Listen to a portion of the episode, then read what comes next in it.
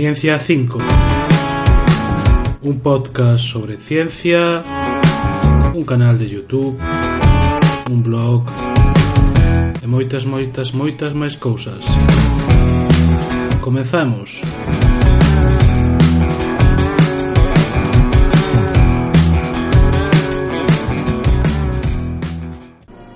Ola, boas, outra semana máis en Ciencia 5. Vamos a seguir ca lectura de do Big Bang, os buratos negros, historia do tempo de Stephen Hawking. Ao final dos anos 50 e principio dos 60, un grupo de astrónomos dirixido por Martin Ryle, quen tamén traballou para Bond e Gold e Hoyle no radar durante a guerra, realizou en Cambridge un estudio sobre fontes de ondas da radio no espacio exterior. O grupo de Cambridge demostrou que a maioria desas fontes de radio deben residir fora da nosa galaxia. Moitas delas poderían ser identificadas verdadeiramente como outras galaxias e tamén había moitas fontes débiles que intensas. Interpretaron que as fontes débiles eran as máis distantes, mentres que as intensas eran as máis cercanas. Entón resultaba que había menos fontes comuns por unidade de volumen que para as fontes cercanas que para as lonxanas. Isto podría indicar, podría significar que estamos nunha rexión do universo na que as fontes son máis escasas que no resto. Alternativamente, podría significar que as fontes eran máis numerosas no pasado e na época na que as ondas da radio comenzaron o seu viaxe hacia nosotros que agora. Calquera explicación contradeciría as predicións da teoría do estado estacionario. Ademais, o descubrimento da radiación de microondas por Penzias e Wilson no 1965 tamén indicou que o universo debe, debeu ser moito máis denso no pasado. A teoría do estado estacionario tiña, polo tanto, que ser abandonada. Outro intento de evitar a conclusión de que debería haber vido de que, perdón, de que debería existir un Big Bang e polo tanto un principio do tempo foi realizado por dous científicos rusos Evgeny Lisich e Isaac Kalashnikov no 1963 eles suxeriron que o Big Bang podía ser únicamente unha peculiaridade dos, mono, dos modelos de Friedman que despois de todo non era máis que aproximacións do universo real. Quizáis de todos os modelos que eran aproximadamente como universo real, só os de Friedman contiñan unha singularidade como do Big Bang. Nos modelos de Friedman, todas as galaxias estabanse alonxando directamente unhas doutras, de tal maneira que non era sorprendente que algún tempo pasado estiveran todas xuntas no mesmo lugar. No universo real, sin embargo, as galaxias non tiñan só un movimento de separación de unhas con respecto a outras, senón que tamén tiñan pequenas velocidades laterais. Así, na realidade, nunca tiven, nunca teñen por que a ver por, estar, por que estar todas no mesmo lugar exactamente, senón simplemente moi cerca unhas de outras. Quizáis entón o universo en expansión actual non sería o resultado dunha singularidade como a Big Bang, senón dunha fase previa en contracción.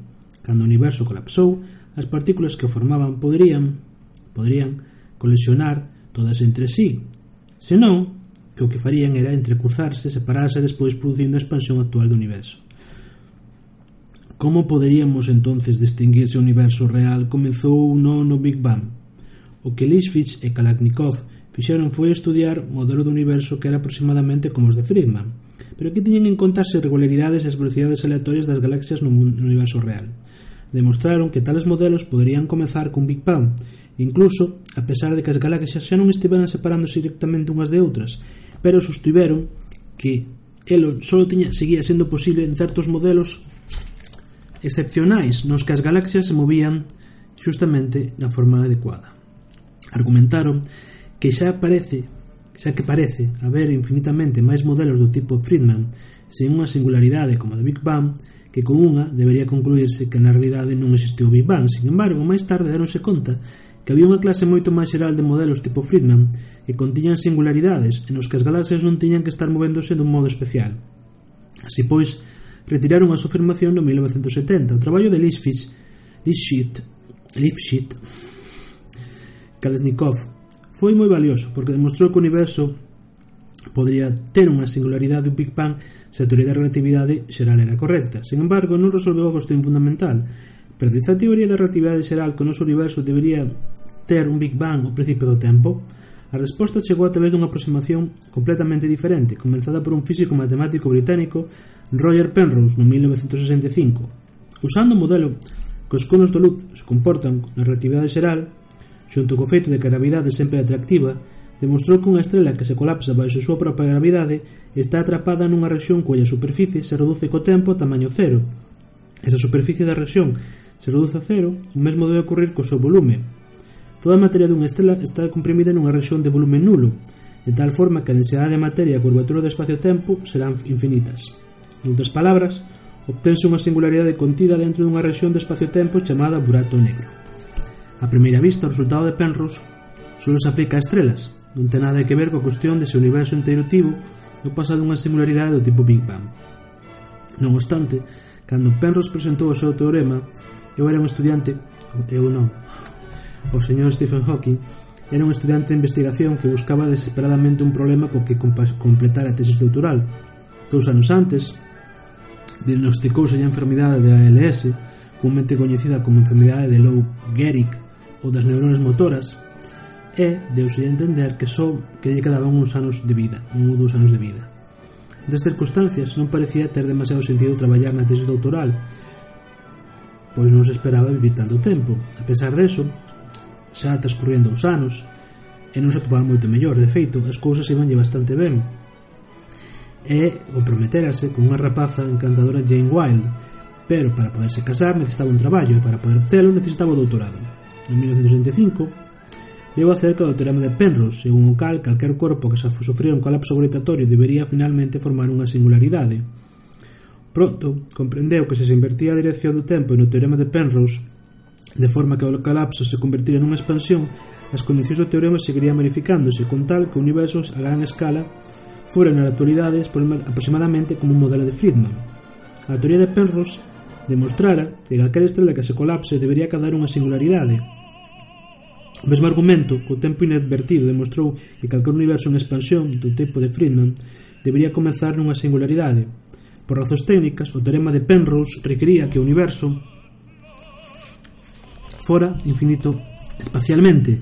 Consecuentemente, solo podría utilizala para probar que debería haber unha singularidade se o universo estuvera expandindo suficientemente rápido como para evitar colapsarse de novo, xa que só estes modelos de Friedman eran infinitos especialmente, espacialmente.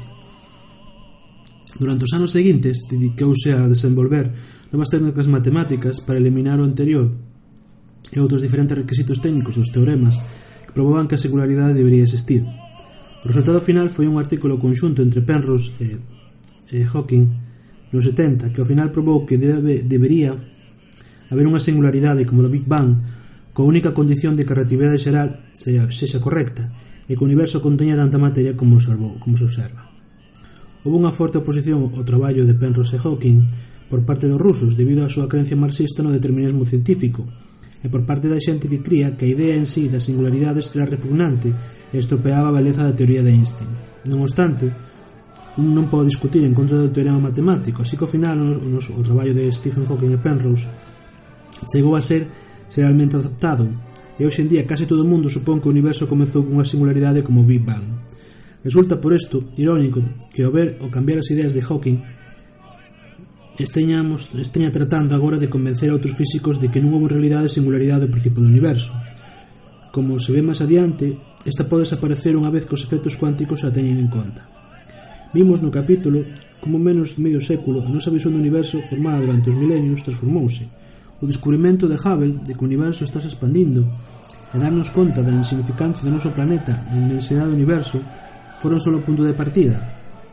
Conforme a evidencia experimental e teórica se foi acumulando, clarificábase cada vez máis que o universo debería ter un principio no tempo, hasta no 1970, Isto foi realmente probado por Penrose e por Hawking sobre a base da teoría da relatividade xeral de Einstein. Esa proba demostrou que a relatividade xeral é só unha teoría incompleta. Non pode decirnos como empezou o universo, porque parece que todas as teorías físicas, incluída a mesma, fallan o principio do universo. Non obstante, a relatividade xeral só pretende ser unha teoría parcial, de forma do que o teorema da singularidade realmente mostra é que debe haber, habido, debe, debe haber un tempo, moi ao principio do universo, no que este era tan pequeno que xa non se poden ignorar os efectos da pequena escala da outra gran teoría parcial do século XX, a mecánica cuántica. A principio dos anos 70, viuse forzado a xirar a nosa búsqueda dun entendimento do universo dende a nosa teoría do extraordinariamente inmenso ata a nosa teoría do extremadamente extra, extraordinariamente, perdón, diminuto. Esta teoría mecánica cuántica describirase a continuación antes de volver a explicar os esforzos realizados para combinar as dúas teorías parciais nunha única teoría cuántica da gravidade. O principio de incertidume. O feito das teorías científicas, en particular a teoría da gravidade de Newton, levou o científico francés Marque, eh, Marqués, francés Marqués de Laplace, a argumentar a principios do século XIX que o universo era completamente determinista. Laplace suxeriu que debía existir un conxunto de leis científicas que permitiran predecir todo o que sucedera no universo, Con tal e conoceremos o estado completo do universo nun instante de tempo. Por exemplo, se superamos as posicións e velocidades do Sol e dos planetas nun determinado momento, poderíamos usar entonces as leis de Newton para calcular o estado do sistema solar en calquera outro instante.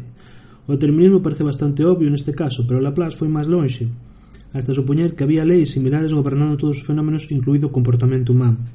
A doutrina do determinismo científico foi amplemente criticada por diversos sectores, que pensaba que infringía a libertad divina de intervir no mundo, pero para eso pero para pesar delo, constituíu o paradigma da ciencia hasta os primeiros anos do noso século. Unha das primeiras indicacións de que esta creencia debería ser abandonada chegou cando os cálculos dos científicos británicos Lord Rayleigh eh, e Sir James Jeans suxiriron que un obxecto corpo quente tal como unha estrela debería irradiar enerxía a un ritmo infinito. De acordo coas leis nas que se recría naquel momento, un corpo quente debería, tendría que, tería que emitir as ondas electromagnéticas tales como ondas de radio, luz visible, rayos X, rayos X, con igual intensidade a todas as frecuencias. Por exemplo, un corpo quente debería irradiar a mesma cantidad de enerxía tanto en ondas de frecuencias comprendidas entre 1 e 2 billóns de ciclos por segundo, como en ondas con frecuencias comprendidas entre 2 e 3 billóns de ciclos por segundo. Dado que o número de ciclos por segundo é limitado, isto significaría entonces que a enerxía total irradiada sería infinita. Para evitar este resultado, obviamente é ridículo, o científico alemán Max Planck Suxeriu que en 1900 que a luz, os raios e outros tipos de ondas non poderían ser emitidos en cantidades arbitrarias, senón só certos paquetes que chamou cuantos. Ademais, cada un deles posería unha certa cantidade de enerxía, que era tanto maior canto máis alta fora a frecuencia das ondas, de tal forma que para frecuencias suficientemente altas, a emisión dun único cuanto requería máis enerxía da que se podía obter. Así, a radiación de altas frecuencias reduciríase e o ritmo con que o corpo perdía enerxía sería, polo tanto, infinito, ou finito.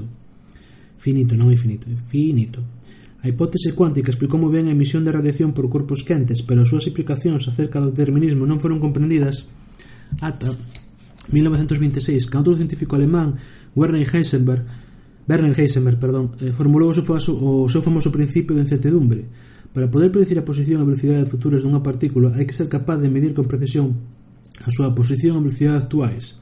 O modo obvio de facelo é iluminando con luz a partícula, Algúnas das ondas lumínicas serán dispersadas pola partícula, o que indicará a súa posición. Sen embargo, un non poderá capaz determinar a posición da partícula con maior precisión que a distancia entre dúas crestas consiguas de, de onda luminosa, polo que se necesita utilizar luz de moi corta longitud de onda para poder medir a posición dunha partícula con precisión.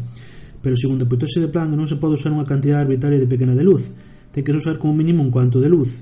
Este cuanto perturbará a partícula cambiando a súa velocidade nunha cantidade que non se pode ser predita. Ademais, canto mellor precisión se mida a posición, menos haberá menos menos menor a menos será a longitud de onda da luz que se necesite, polo tanto, maior será a enerxía de cuanto que se deba usar. Así, a velocidade da partícula resultará fortemente perturbada. Noutras palabras, canto mellor precisión se trate de medir a posición da partícula con menor exactitude, poderase medir a súa velocidade e viceversa. Heisenberg demostrou que a incertidumbre na posición da partícula multiplicada pola incertidumbre na súa velocidade e pola masa da súa partícula nunca poderá ser máis pequena que unha certa cantidade que se coñece como constante de Planck. Ademais, este límite non depende da forma en que un trate a medir a posición e a velocidade da partícula ou do tipo de partícula. O principio de certidumbre de Heisenberg é unha propiedade fundamental e ineludible do mundo. O principio de certidumbre ten profundas implicacións sobre o modelo que temos que ver do mundo, incluso máis de 50 anos despois, Estas non foron totalmente apreciadas por moitos filósofos e aínda son obxecto de moita controversia. O principio de incertidumbre marcou o final do soño de Laplace, dunha teoría de ciencia, un modelo do universo que sería totalmente determinista. Certamente non se poden predecir os acontecementos futuros con exactitude, nin sequera se pode medir o estado presente do universo de forma precisa. Aínda poderemos supoñer que existe un conxunto de leis que determinan completamente os acontecementos para seguir para algún ser sobrenatural que podría observar o estado presente do universo sin perturbalo. Sen embargo, tales modelos do universo non son demasiado interés para nosotros, ordinarios mortais. Parece mellor emplear o principio de economía coñecido como cuchilla de Ockham, eliminar todos os elementos da teoría que non poden ser observados. Esta aproximación chegou, levou unha perdón 1920 a Heisenberg. Erwin Schrödinger e Paul Dirac a reformular a mecánica cunha nova teoría chamada mecánica cuántica basada no principio de incertidumbre. Nesta teoría as partículas xa non poseen posicións ou velocidades definidas por separado, pero estas non poden ser observadas. En vez desto, as partículas teñen un estado cuántico, que é unha combinación de posición e velocidade. En xeral, a mecánica cuántica non produce un único resultado de cada observación, no seu lugar produce un certo número de resultados posibles, e danos propiedades de cada un deles. É dicir, se realizara a mesma medida sobre un gran número de sistemas similares coas mesmas condicións de partida en cada un deles, atoparíase que o resultado da medida sería un certo número de veces e ben outro número diferente de veces, e así sucesivamente. Poderíase predecir un número aproximado de veces que se obtendría o resultado de A e B, pero non se podía predecir o resultado específico dunha medida concreta. Así pois, a mecánica cuántica introduce un elemento inevitable de incapacidade de predicción, unha aleatoriedade na ciencia. Einstein opuxose fortemente a elo, a pesar do importante papel que el mismo xogara no desenvolvemento desas ideas. Einstein recibiu o Premio Nobel pola súa contribución á teoría cuántica, non obstante, Einstein nunca aceptou que o universo estivera gobernado polo azar. As súas ideas ao respecto están resumidas na súa frase Deus non xoga aos dados. A maioría dos restos científicos, sin embargo, aceptaron sin problemas a mecánica cuántica porque estaba perfectamente de acordo cos experimentos. Verdadeiramente, foi a teoría con éxito foi unha teoría con éxito sobresaínte e nela basase case toda a ciencia e tecnoloxía modernas. Goberna o comportamento dos transistores e dos circuitos integrados, que son os componentes esenciais dos aparatos electrónicos, tales como os televisores e ordenadores. E tamén é base da química da bioloxía modernas. As únicas áreas das ciencias físicas nas que a mecánica cuántica aínda non tivo eh, aínda non foi axeitadamente incorporada son as da gravidade e estrutura a gran escala do universo. Aínda que a luz está formada por ondas, a hipótese dos cuantos de Planck dinos que en algúns aspectos comportase como se fora composta por partículas. Solo pode ser emitida ou absorbida en pequenes ou cuantos, igualmente o principio de certidumbre de Heisenberg implica que as partículas comportase en algúns aspectos como ondas non teñen unha posición ben definida, senón que están esparcidas como unha certa cantidad de distribución de probabilidade. A teoría da mecánica cuántica está basada nunha descripción matemática completamente nova, xa non describe o mundo real en termos de partículas e ondas. Só as observacións do mundo poden ser descritas nestes termos. Así existe, polo tanto, unha dualidade entre ondas e partículas, en a mecánica cuántica. Para algúns fins é útil pensar as partículas como ondas, mentres que para outros é mellor pensar nas ondas como partículas. Unha consecuencia importante do anterior é que pode observar o fenómeno chamado interferencia entre dous conxuntos de ondas ou partículas. É dicir, as crestas de un dos conxuntos de ondas poden coincidir cos vales do outro conxunto. Neste caso, os dous conxuntos de ondas cancelanse mutuamente en vez de sumarse formando unha onda máis intensa, como se podría esperar. Un exemplo, un exemplo familiar de interferencia no caso da luz constituyen os cores, as cores que con frecuencia aparecen nas pumbas de xabón. Estes están causados pola reflexión de luz nas dúas caras da delgada capa de auga que forma a pompa. A luz branca está composta por ondas lumínicas de todas as longitudes de onda, o que é o mesmo de todas as cores. Para certas longitudes de onda, as crestas das ondas reflexadas nunha cara da pompa de xabón coinciden cos vales da onda reflexada na outra cara.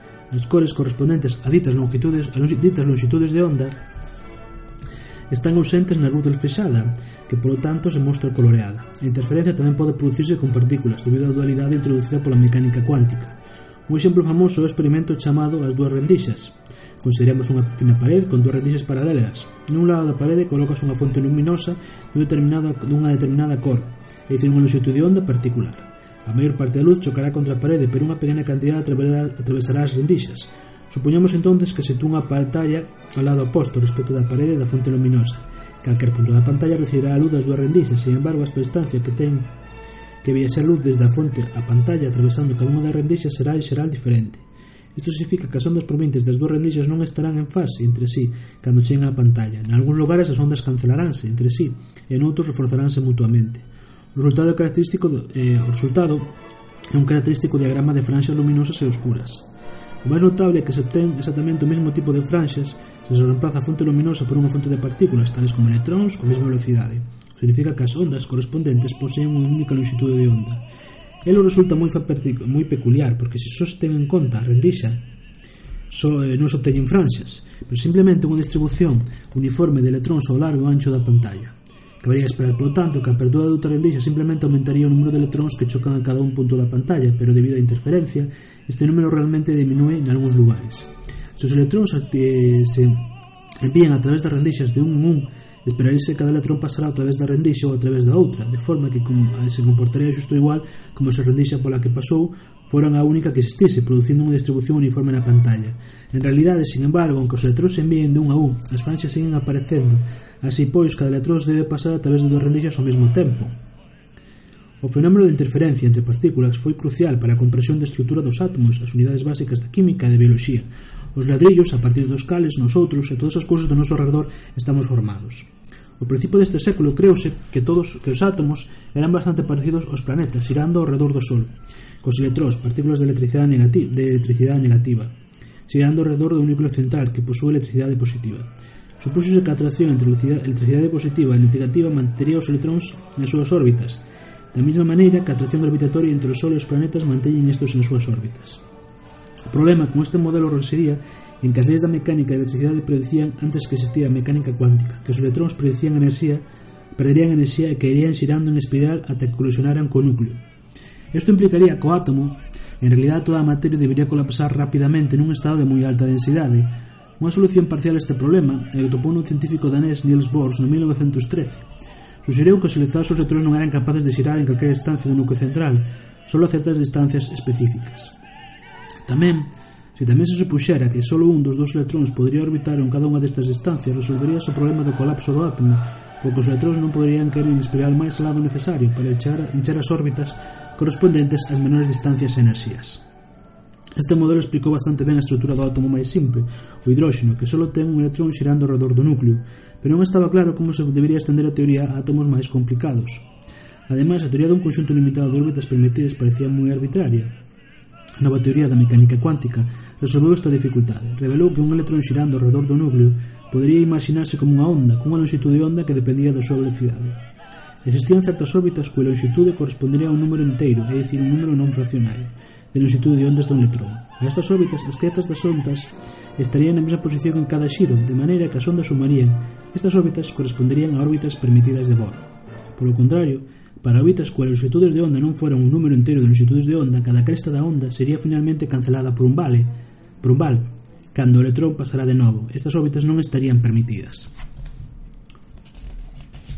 Un modo interesante de visualizar a dualidade onda-partícula é a través do método coñecido como suma de sobrehistorias posibles inventado polo científico norteamericano Richard Feynman.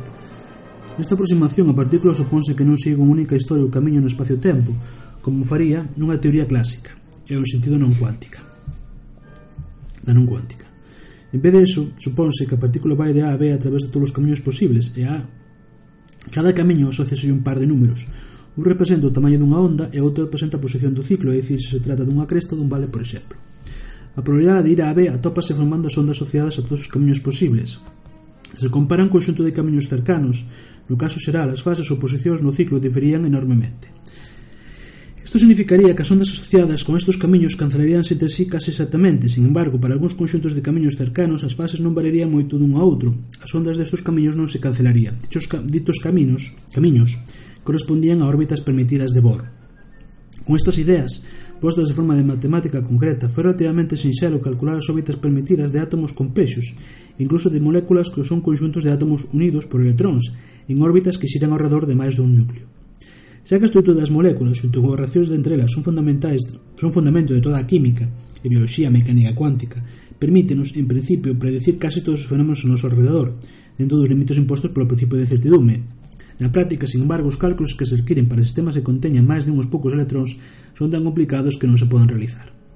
A teoría da relatividade xeral de Einstein parece gobernar a estrutura da gran escala do universo, é o que se chama unha teoría clásica, é dicir, non ten en conta o principio de incertidume pola mecánica cuántica, como debería facer para ser consistente con outras teorías. A razón pola que isto non conduce a unha discrepancia coa observación que todos os campos gravitatorios que normalmente experimentamos son moi débiles. Sin embargo, os teoremas sobre as singularidades discutidos anteriormente indican que o campo gravitatorio debería ser moi intenso, como mínimo en como mínimo dúas situacións, os buratos negros e o Big Bang.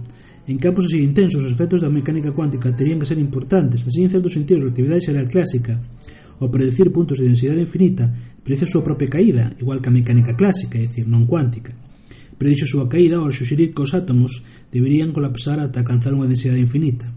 Ainda non temos unha teoría consistente e completa que unifique a relatividade xeral e a mecánica cuántica, pero sí que coñecemos algunhas das características que debe posuir. As consecuencias que estas terían para os, as consecuencias que estas terían para os buratos negros e os e o Big Bang describiránse en capítulos posteriores. Polo momento, sin embargo, volvemos aos intentos recientes de ensamblar as teorías parciais de outras forzas da natureza nunha única teoría cuántica unificada.